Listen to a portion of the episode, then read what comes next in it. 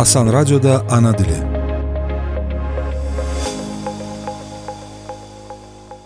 Ana dili buraxılışında bu dəfə Xankəndi toponimindən danışırıq.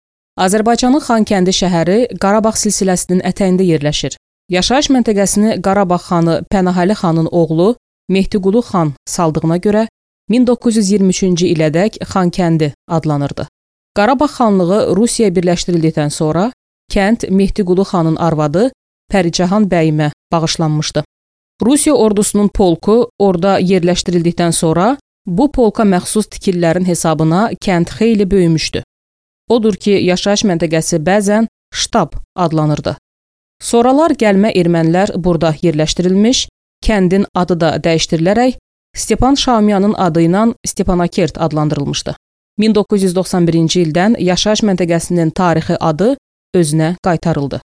Bəzən səhvə yol verilərək şəhərin adı Xankəndiyə, Xankəndidən kimi hallandırılır.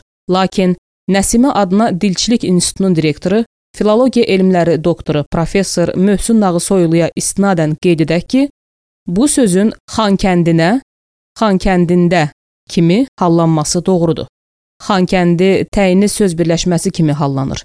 Sözün bu xüsusiyyəti həm də ənənəvi deyiliş formasından qaynaqlanır. Ana dili buraxılışını Azərbaycan toponimlərinin ensiklopedik lüğəti əsasında təqdim etdik. Ana dilimizdə doğru yazaq, səlis danışaq.